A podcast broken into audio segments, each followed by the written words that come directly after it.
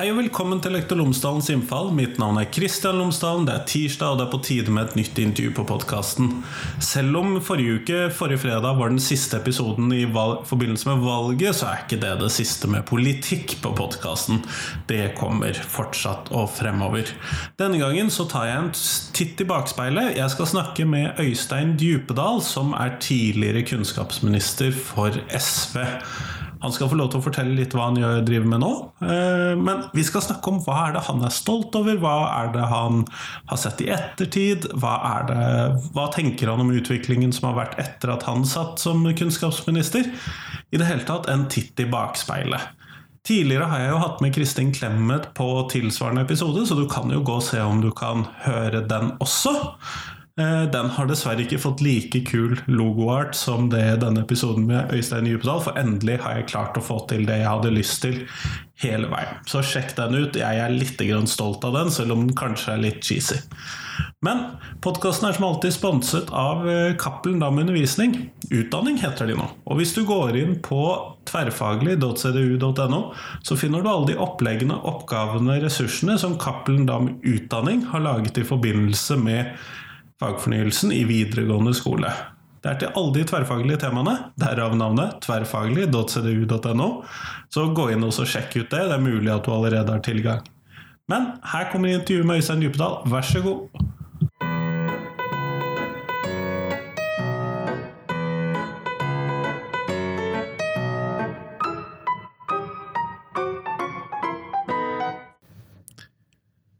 Øystein Djupedal, tusen takk for at du har tatt deg tid til meg i dag.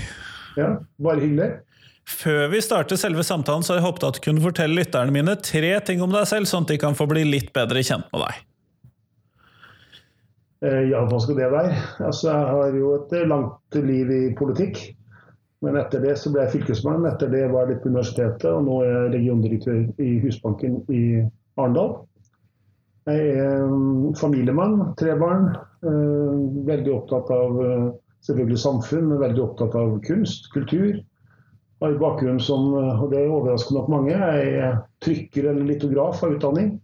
Jeg er fra en akademisk familie, men jeg var så rastløs at jeg klarte aldri å sitte stille på pulten, så jeg måtte ha et praktisk manuelt yrke. og så Gjennom at jeg var litograf og kunsttrykker, så ble jeg veldig opptatt av kunst. Så det har vært en veldig viktig komponent i livet mitt helt siden jeg gikk i lære for ja, mange, mange, mange år siden. Kjempeflott. Tusen takk. Du er jo med på denne podkasten fordi at jeg inviterer tidligere kunnskapsministre, utdanningsministre, skoleministre, hva de nå har hett. Alle disse titlene. Og det, det jeg jo må lure på, fordi at nå er det jo skal vi se, er det 14 år siden du gikk av som kunnskapsminister?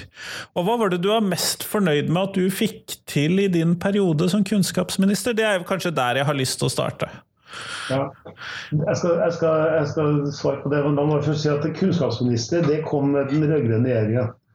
Og Grunnen til at det kom, var jo at, at vi overførte barnehagene til eh, Kunnskapsdepartementet. Barnehagene har jo en helt naturlig del av Kunnskaps-Norge, og de, de, var veldig kunstig plassert i Barne- og familiedepartementet. Stemoderlig behandla der, og selvfølgelig var det ingen som hadde satsa ordentlig på barnehager før vi kom. Eh, så det betyr at da lå jo egentlig alt fra barnehager til, til forskning og høyere utdanning under samme departement. Og Da var det vi bestemte at vi skulle døpe om departementet til Kunnskapsdepartementet, og dermed så ble det også kunnskapsminister. Det som jo var en veldig sånn, litt sånn, litt sånn nesten sånn slapstick-humor i departementet, var jo at vi kunne ikke kalle det akkurat Department of Knowledge på engelsk. Eh, og det var jo da plutselig en, en stor frykt i selvfølgelig i embetskretser at vi skulle døpe om det til Thomas. Det høres litt sånn Monty Python ut, men det hadde vi altså ikke tenkt. Sånn at vi beholdt det engelske navnet da, på, på, departementet i, for høyere utdanning og, og, forskning.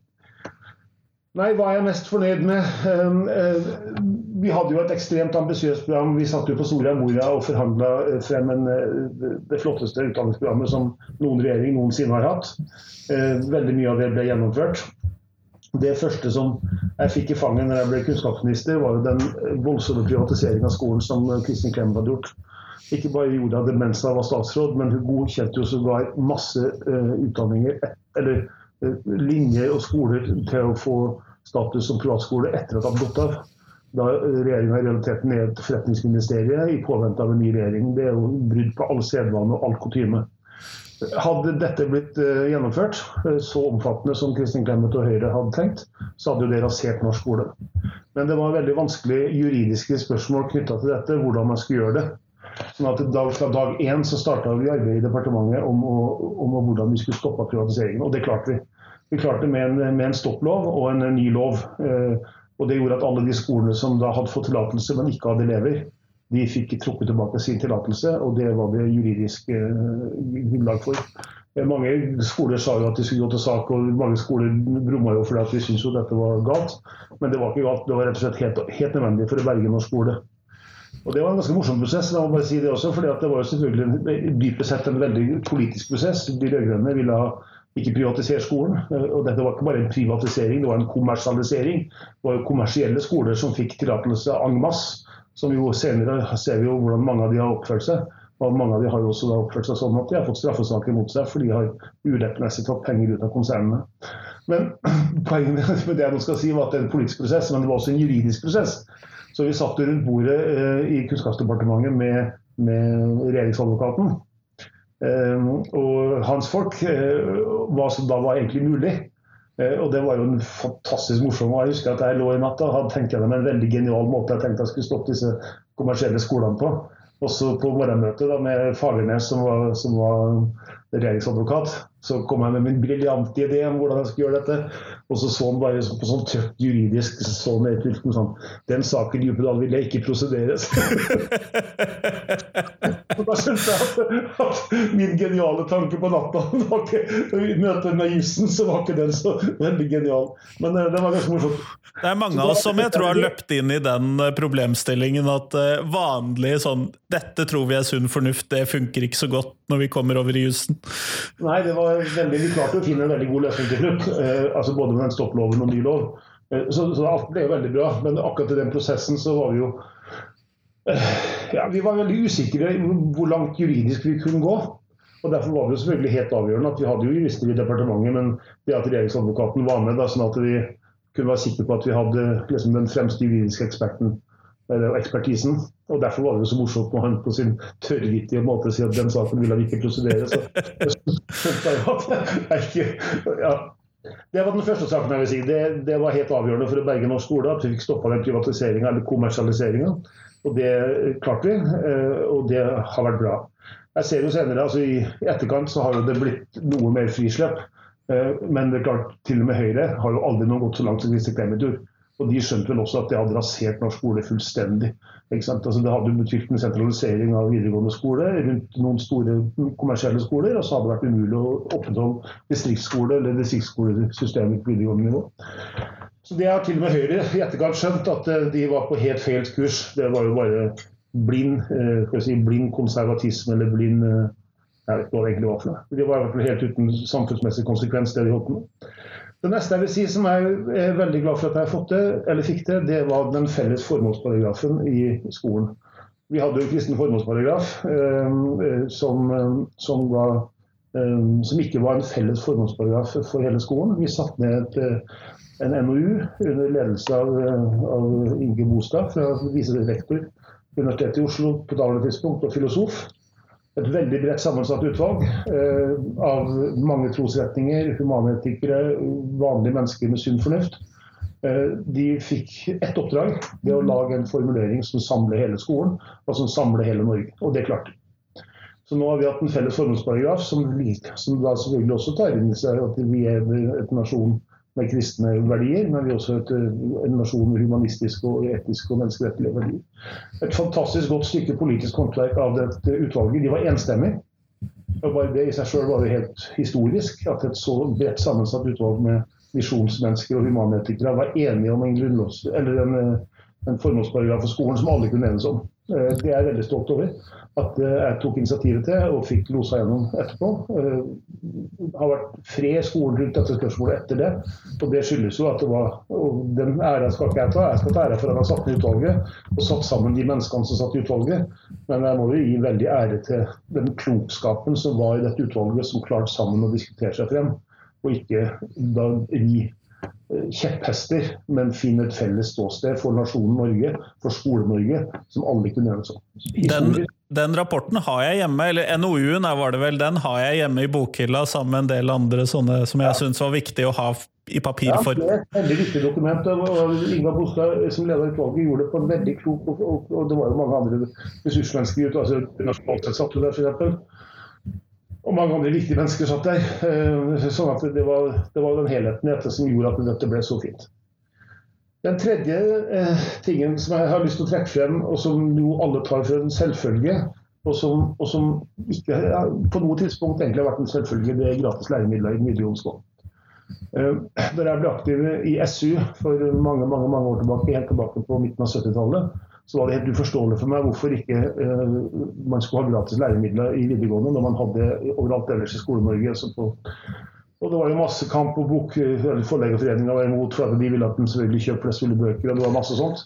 Uh, når jeg da kom inn i departementet, så hadde dette veldig høy prioritet. Det kosta selvfølgelig veldig mye penger, men Arbeiderpartiet var enig, selvfølgelig. AUF var en pådriver fra den sida, og Senterpartiet var enig. Det vi jobba mye med, var jo å få til en modell og For meg var det veldig viktig at det ett element som ikke egentlig hadde vært diskutert godt nok, det var at de som gikk på yrkesfag, skulle få et eget stipend fordi at de måtte kjøpe utstyr.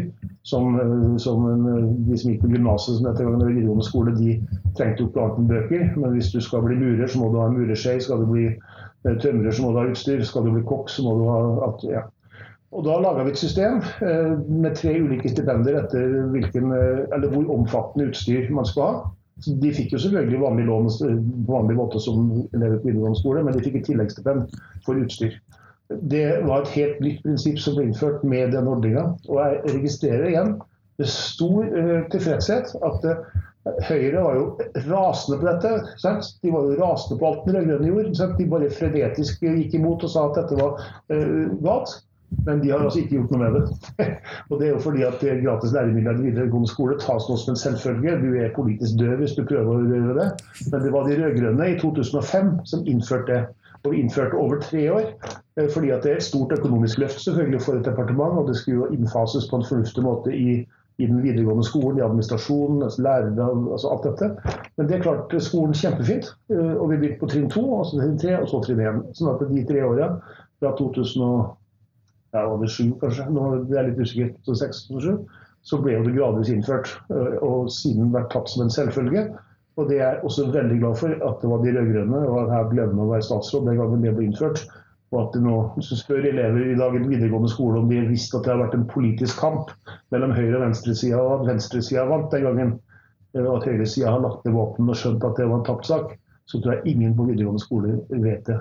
Men det var det altså. Og det er jeg veldig glad for at jeg sto i, i bresjen for det. Ja, Nå ser det jo mer ut som eh, problemstillingen her ligger på størrelsen på utstyrsstipendet. Altså det er noen som vil beholde utstyrsstipendet der hvor det ligger nå, og så er det noen som sier at vi må faktisk få det høyere opp, sånn at det dekker de faktiske kostnadene. Ja, det er helt, og det, la meg si, det, det er en debatt jeg har den aller største respekt for, uten at jeg kjenner til dette. Så jeg er helt sikker på at utstyrsstipendet henger etter i forhold til at ting jo blir dyrere over år og at ting blir mer kostbart. Så det tror jeg er helt sikkert et godt argument. Eh, men det er jo interessant å si at det er den diskusjonen man har, og ikke om å fjerne utstyrsstipendet. For det var jo det som høyresida ønska. De ønska jo ikke dette i hele tatt. De mente jo at hver enkelt familie skulle betale dette sjøl. Og hvis en husker tilbake hvor mye det faktisk var altså, altså, Hvis du hadde to barn i videregående skole, så betalte du jo 20 000 allerede for 10-15 år tilbake i bøker og sånt. Så det er klart, det var en veldig belastning for familiene, og det var en stor seier for de rød-grønne og for norsk skole at vi fikk det. Ja, jeg husker hvor mye jeg brukte bare på bøker på studiespesial, eller allmennfag da, som jeg gikk på. Det var jo mye penger, og disse som da skal ha større ting og dyrere ting og profesjonelt utstyr og sånn, det er mye penger. Ja, så var det ofte veldig vanskelig å få kjøpt brukt. da, ikke sant? Fordi at altså, Disse lektorene på videregående skole de skulle gjerne ha de siste bøkene, ikke sant? og nyeste bøkene. Og Da var det ikke så godt å kunne kjøpe brukt heller. Eh, så Det betyr at han måtte ha nye bøker, og det var jo så veldig dyrere. Det var de tre tingene jeg tenkte jeg skulle bare trekke frem. Jeg er ikke noe trukket frem mange andre ting. Men det å stoppe privatiseringa, det å få en felles formålsparagraf og det gratis læremidler er tre veldig viktige milepæler i de rød-grønnes uh, utdanningspolitikk. Og så kunne jeg snakket mye mer om innhold, selvfølgelig, for at innholdet er jo veldig viktig. Men nå valgte jeg ikke å ta innholdsdiskusjonen i denne runden, men tre liksom, helt markante milepæler som står der en dag i dag. og som de konservative ikke har eh, klart å rokke ved etter alle disse årene. Godt utvalg saker, det må jeg si. Men er det noen sånne ting som du angrer på at du ikke fikk til, eller ikke fikk gjennom, eller som du skulle ønske i dag at du fikk gjennom når du satt der i den rollen? Ja, det, altså Hvis du leser Soria Moria-erklæringa, så vil du se at den er veldig full av, av målbare parameter. Eh, det gjorde vi jo fra SVs side selvfølgelig fordi at vi ønska å binde Senterpartiet og Arbeiderpartiet til løfter. Eh, og veldig mange av løftene ble selvfølgelig innfridd. Det det som, vi gjorde, og som jeg angrer på, eller ikke angrer på, men det som en ble en rekyl, var at vi stadfestet prisen på barnehager. Altså Den satsinga vi gjorde på barnehager både i opposisjon, der meg og Siv Jensen gikk forlik om barnehageforliket, og de mange 8-10 milliardene som ble brukt før vi kom i regjering, så flytta vi barnehagene over til Kunnskapsdepartementet og fortsatt satsinga. Og fikk jo full dekning i løpet av veldig kort tid. Eh, og Det var jo historisk. Eh, og Det skyldes mye penger, men det skyldes et fantastisk godt arbeid ute i Utdannings-Norge som gjorde det mulig.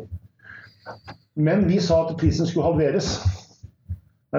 Og, og, vi gikk jo ned historisk. altså når Jeg hadde barn i barnehage rundt 1990, så kosta det 3500 kroner per barn. ikke sant? Med ene lønna. Det gikk bare til barnehagekostnadene. Så var det ofte mat i tillegg. Det var en kommunal, vanlig kommunal barnehage i Trondheim som vi nå snakker om. Vi halverte jo nesten prisen, men ikke helt. Og det angrer jeg meg på, at vi var så tydelige på at vi skulle halvere det. For da kunne det se ut som at ikke det var den fantastiske satsinga som det faktisk var. Og at høyresida og andre kunne pirke bort ja, men det er ikke 1750 kroner nå, det er litt mer. ikke sant? Og Det er riktig, det var litt mer. Men poenget er at vi klarte en historisk satsing, og jeg angrer meg på, i den grad man skal si det, at vi, at vi lot både de som var mot barnehagesatsinga, få noen billige poeng. For der igjen, ikke sant, så var høyresida de var imot satsinga på barnehager. De, de, de støtta jo ikke dette i det hele tatt. De gikk imot alle forlik i Stortinget som dreide penger til barnehager. De ville ha skattelettelse. Per Kristian Foss vil ha penger til skattelettelse, ikke til barnehager. Og der er igjen den samme klassiske når de åtte milliardene vi brukte før vi kom i regjering, det var de åtte milliardene Per Kristian Foss ikke fikk i skatteløftene sine. Akkurat på krona like mye som han ikke klarte å innfri. Det var de vi tvang Stortinget til å bruke på barnehager. Og det var før vi kom i regjering. Og så kom Soria Moria, den historiske plattformen for å gå videre. Og Barnehagesatsinga var voldsom og massiv i disse åra. Men dessverre så var det noen da som kunne si at ikke vi nådde noen målbare parametere som vi sjøl hadde vært litt flumsete, må jeg nesten si. Da. Men vi ønska jo at vi skulle være tydelige på hvilke mål vi hadde. Så det kan jeg nok si at det er en ting som jeg i etterkant ville gjort på en annen måte. Det skjønner jeg. Det, det, er jo alltid sånne hva skal vi kalle det, taktiske og strategiske vurderinger som skal gjøres, og som det hender at man bommer litt på. Ja, og det var akkurat det der. Vi, SV vi, ikke, vi var ikke vant til makt. Vi hadde vært et opposisjonsparti alltid, helt siden vi ble stifta i 61. Sånn vi, var, og vi satt rundt bordet på Soria Moria, og vi tenkte jo, vi tre som satt der med hele partiet i ryggen, at nå må vi binde den nye regjeringa mest mulig. Eh, og, og, på mange felt var det riktig tenkt.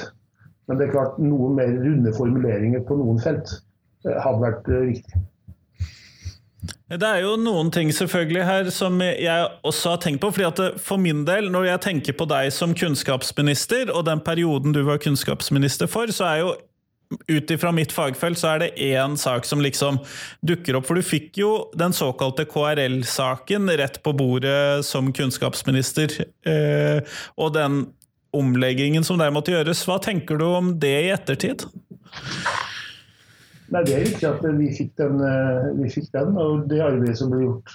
Jeg vet egentlig ikke om jeg, kan for den hadde, den hadde ikke så veldig høy politisk prioritering. Eh, og Det høres litt rart ut å si det, for det var, det var, jo Hvis jeg nå husker dette rett, så var jo det at den kom tilbake fra Strasbourg. Yeah. Med den, at det var jo en politisk konstruksjon eh, som ble laga i Stortinget den gangen med Lilletun i spissen. og Det var ikke et skolefag som skolen trengte. og Vi sa den gangen at dette kom til å bli dømt, og det ble dømt. Så kom han tilbake til oss, og så jobba jo vi i departementet med å finne dette med ny læreplan og alt dette. Så det, og det arbeidet hadde si, høy prioritet, men det var ikke politisk omstridt på samme grad som eller på, som de sakene jeg nå nevner, eller som andre sier. Alle skjønte jo at da måtte jo ikke kristendommen måtte nedtones i forhold til læreplanen hvis du skulle ha en godkjenning i, Strasbourg. Så den må jeg si at den lå der hele tida, men den hadde, ikke, den hadde ikke høyest prioritet. For den visste jeg vi kom til å få i mål. Og vi visste også at Stortinget kom, kom til å måtte godkjenne. Det er veldig interessant at du sier når man liksom For min del, altså relativt rett ut fra videregående når dette skjedde, så fremsto jo dette som en relativt stor sak, og i ettertid så har det fremstått som en sånn kjempesak når vi da kommer over til noen av de etterfølgende regjeringene, men at det da opplevdes som en ikke så stor og viktig politisk sak den gangen, at det var mer plankekjøring, det syns jeg er veldig interessant. Jeg skal vel ikke si plankekjøring. Det kan godt tenkes at jeg nå har litt erindringsforskyving, men det jeg husker veldig godt at dette var ikke det som sto først på morgenmøtene. Eh, altså Den felles formålsparagrafen det var den viktigste saken. Og det er, Jeg må kanskje ta en sånn morsom digresjon. Eh, Oppunder jul eh, den første høsten så var vi, meg og departementsråd Trond Fevolden og noen fra departementet, vi var i USA. Og vi skulle undertegne en forskningsavtale med USA. Så jeg var i State Department og sto i det documentary room eller hva det med linkelen bak og undertegna og sånt. Det var veldig høytidelig og veldig fint. Om kvelden så hadde jeg og Trond Fevold bestemt at vi da for første gang på lang tid hadde tid til å sitte og snakke. Så da gikk vi på noe som heter The Pond Circle. Han er veldig godt kjent i Washington. Det er en sånn rundkjøring der det er masse bokkafeer og, og, sånne hyggelige små steder rundt den der DuPont Circle. Ja, der har jeg spist.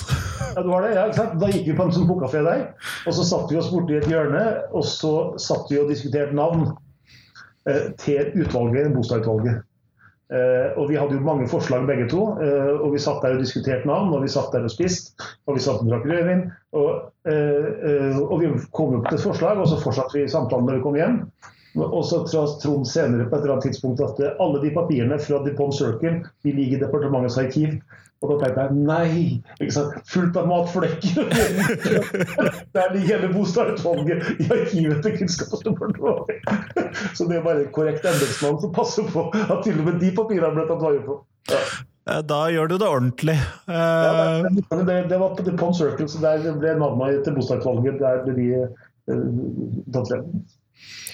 Nettopp. nettopp. Det er nok oftere kaffeflekker på disse papirene enn rødvinsflekker, vil jeg tro. det var en lang kveld, og, var, vi, satt, og vi hadde jobba selvfølgelig hele dagen og hadde jo den der State Department, og så hadde vi gjort også, tror jeg vi var, var oppe til jul, hadde, og det var Knut Vollebekk som var, var, ambassadør. Så han hadde invitert oss til julegudstjeneste og julekonsert, eh, som vi også hadde vært på ettermiddagen der i den store, flotte katedralen. Sånn jeg tror først klokka var ni, kanskje mot ti, før vi fikk oss en matbit. Og Da var det DuPont Circle her, var jo helt ukjent med Washington, så jeg hadde ikke hørt om dette før. Men, men Trond Trevolden var jo en erfaren USA-farer, så han mente at det der var et egnet sted. Og han visste jo at jeg var glad i bokkafeer. Sånn og det hadde han helt rett i, det var et fint sted.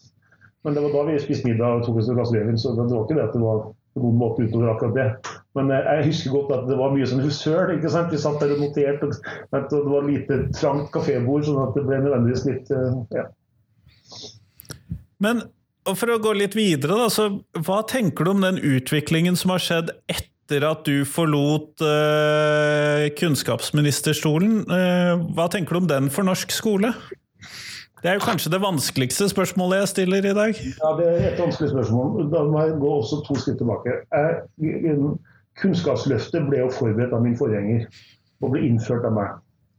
Vi hadde en lang runde uh, med, med alle aktørene i norsk skole eh, om det var forsvarlig å innføre Kunnskapsløftet. Eh, altså, vi hadde en helt annen tilnærming til dette.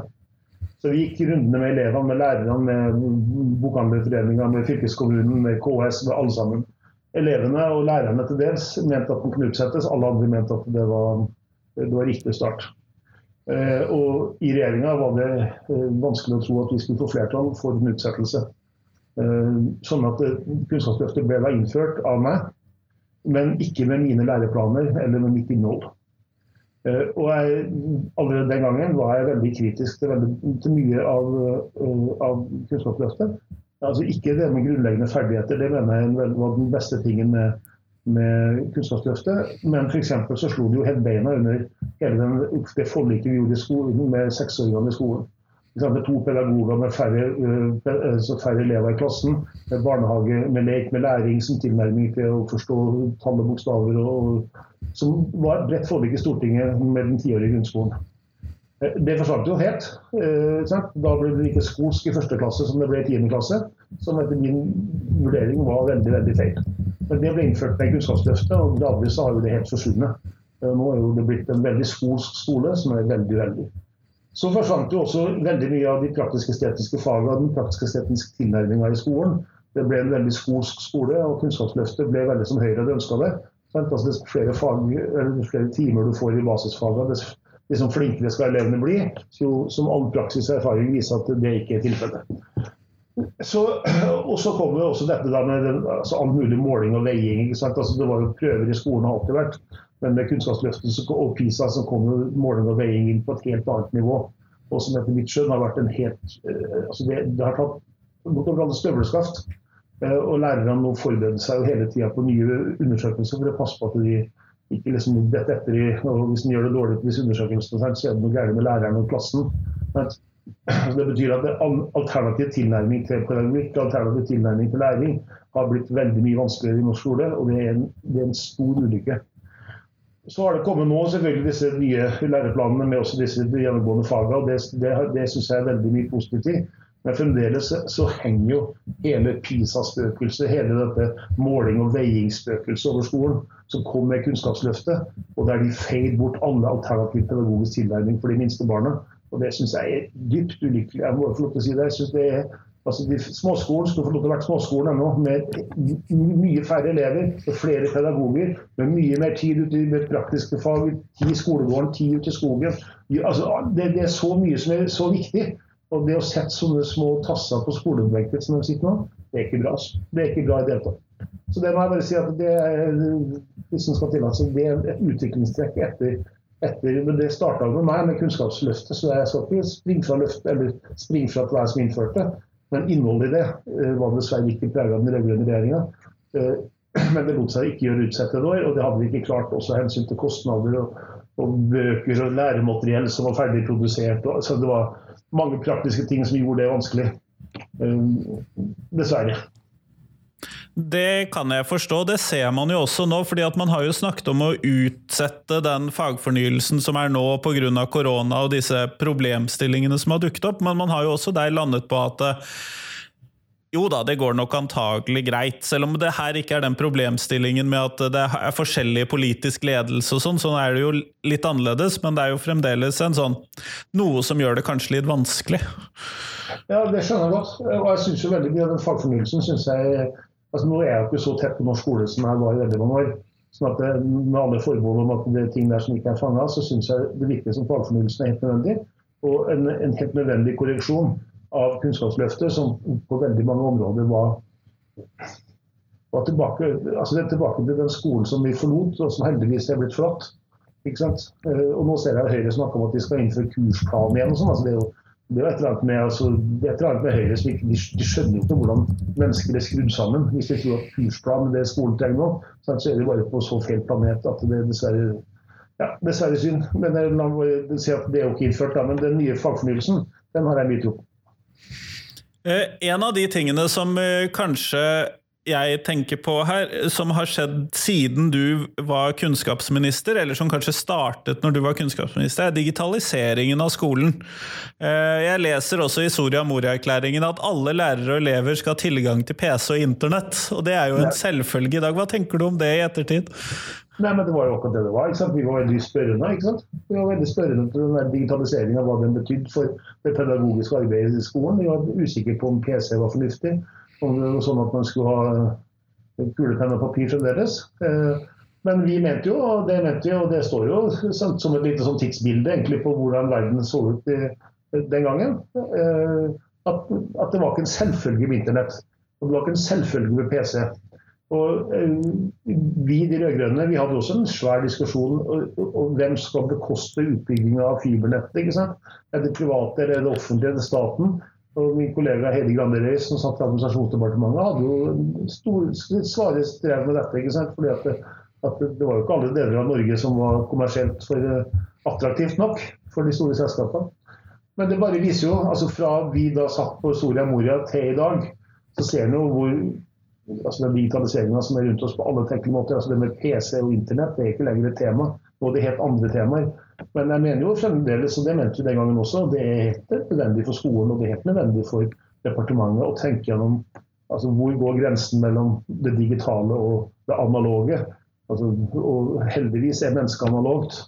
Og vi sitter her og prater sammen. ikke sant? Og vi sitter ikke i samme rom, riktignok, men vi prater sammen. Det er en analog samtale. Og jeg mener jo at skolen skal også være analog, eller bør være analog i mest mulig grad i kontakten mellom elev og lærer. Og elev til elev. Det analoge er faktisk veldig viktig.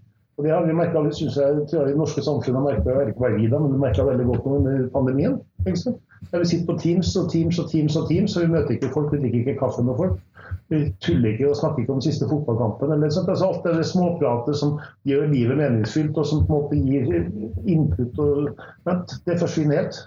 Og Derfor mener jeg at det er noen ting pandemien har lært oss, er det det analoge er faktisk viktig, og viktigere enn kanskje noen gang. Samtidig så er det jo verdt å tenke på også at hvis denne pandemien og denne innlåsningssituasjonen hadde skjedd for i begynnelsen av din statsrådsperiode, da, så hadde det jo vært vesentlig vanskeligere å gjennomføre alle disse møtene, all den undervisningen som nå har blitt gjennomført. Det er helt sant. Hvordan man skal løse det, det har jeg aldri tenkt gjennom, men du har helt rett i det, selvfølgelig. Men Nei. Men min lille betraktning nå egentlig går bare på at, at jeg mener at, at, at, det at mennesker møtes, det at du sitter rundt et bord, det, sitter, det er i seg selv så verdifullt. Og det er vel det vi kanskje har lært aller mest nå. Altså savnet av andre mennesker. ikke sant? Og jeg må jo si at jeg tror mange syns det var tøft og lang vinter. ikke sant? Der du sitter, I tillegg til at det er mørkt og kaldt rundt deg, ikke sant? så kommer du ikke ut, du får ikke truffet noen. Du, ja, det syns jeg mange Og det er tydelig at mange har strevd med det også. Jeg må si at jeg syns det var en tung og lang vinter. Ja, og det merket vi på elever også. Det var, eh, de, det, det var, hvis de først hadde vært hjemme noen dager, så var det vanskelig å få de til å jobbe med skole før de hadde sosialisert seg og pratet ja. ut. Og, ja. ja, det skjønner jeg godt. Veldig godt. Men eh, Øystein, vi går mot slutten av podkastintervjuet, og da skal jeg stille deg det spørsmålet som jeg stiller til alle jeg intervjuer for tiden. Og hva er de tre viktigste tingene som skolen lærer elevene? ja. ja. Ja, det, er et, det, er et, veldig krevende spørsmål. Um, mestring er nok et ord som jeg vil tenke. At det å, det å, det å nå sitt potensial, det å mestre, det å få til ting, uh, det er en veldig viktig egenskap i livet, og som skolen er en veldig viktig bidragsyter til. Um, så er det jo sånn at, at uh, det geniale mennesket som sitter i sin egen lille hule og finner på smarte ting, det er en myte. Det er jo samarbeid som gjør eh, og det er samarbeid som er viktig for å løse oppgaver. Og Skolen eh, er jo en veldig viktig samarbeidsarena, der elever samarbeider rundt oppgaveløsning. Samarbeider rundt hva det måtte være. Sånn at jeg vil si Mestring og samarbeid er veldig viktig. Og så vil jeg jo si selvfølgelig at skolens, altså en av skolens hovedoppgaver er å lære elevene kunnskap og fakta og, og kjennskap til hvordan alt fra språk til skrift ja, til, Altså alt, egentlig. Sånn at mestring, eh, samarbeid og kunnskap vil jeg vel si hvis jeg skal ta tre ord. Men jeg kunne ha valgt andre ord også. Eh, for skolen er en altså, Bortsett fra familie, så er jo skolen den aller viktigste arenaen som barn eksisterer i, i fryktelig mange år av sitt liv. Det betyr at skolen er, den er så viktig at den kan nesten ikke den, kan, ja, den er så viktig at den kan nesten ikke understrekes nok. Kjempeflott. Tusen takk for at du tok deg tid til meg i dag, Øystein. Fint. Bare hyggelig.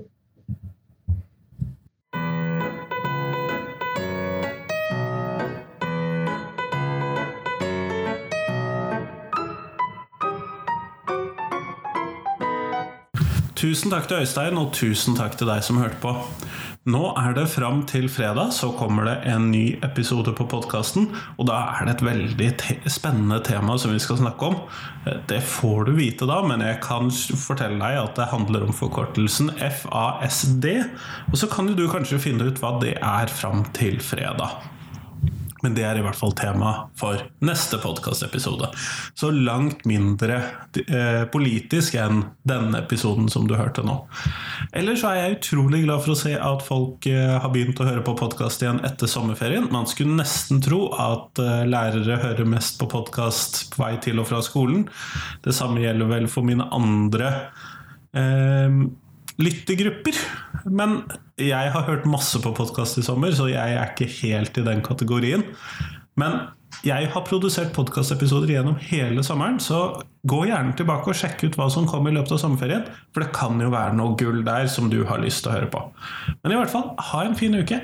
Hei, hei!